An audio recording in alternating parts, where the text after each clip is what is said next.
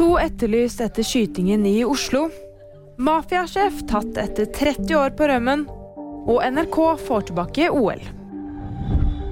To personer som er siktet for skytingen i Oslo, er etterlyst. Det skriver politiet i en pressemelding mandag formiddag. De to er etterlyst både nasjonalt og internasjonalt.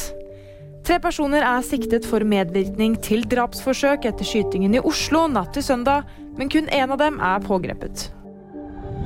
Den beryktede mafiasjefen Matteo Messina Denaro er pågrepet. Denaro har vært på rømmen siden 1993. Ifølge Europol har Denaro vært en av toppsjefene i mafiaen Cosa Nostra og begått flere alvorlige og brutale drap. Han ble pågrepet på et privat sykehus på Cecilia mandag morgen. De olympiske lekene skal igjen vises på Statskanalen. Det bekrefter NRK. De siste årene er det Discovery som har sendt OL, men nå har altså NRK sikret seg rettighetene til fire OL fra 2026.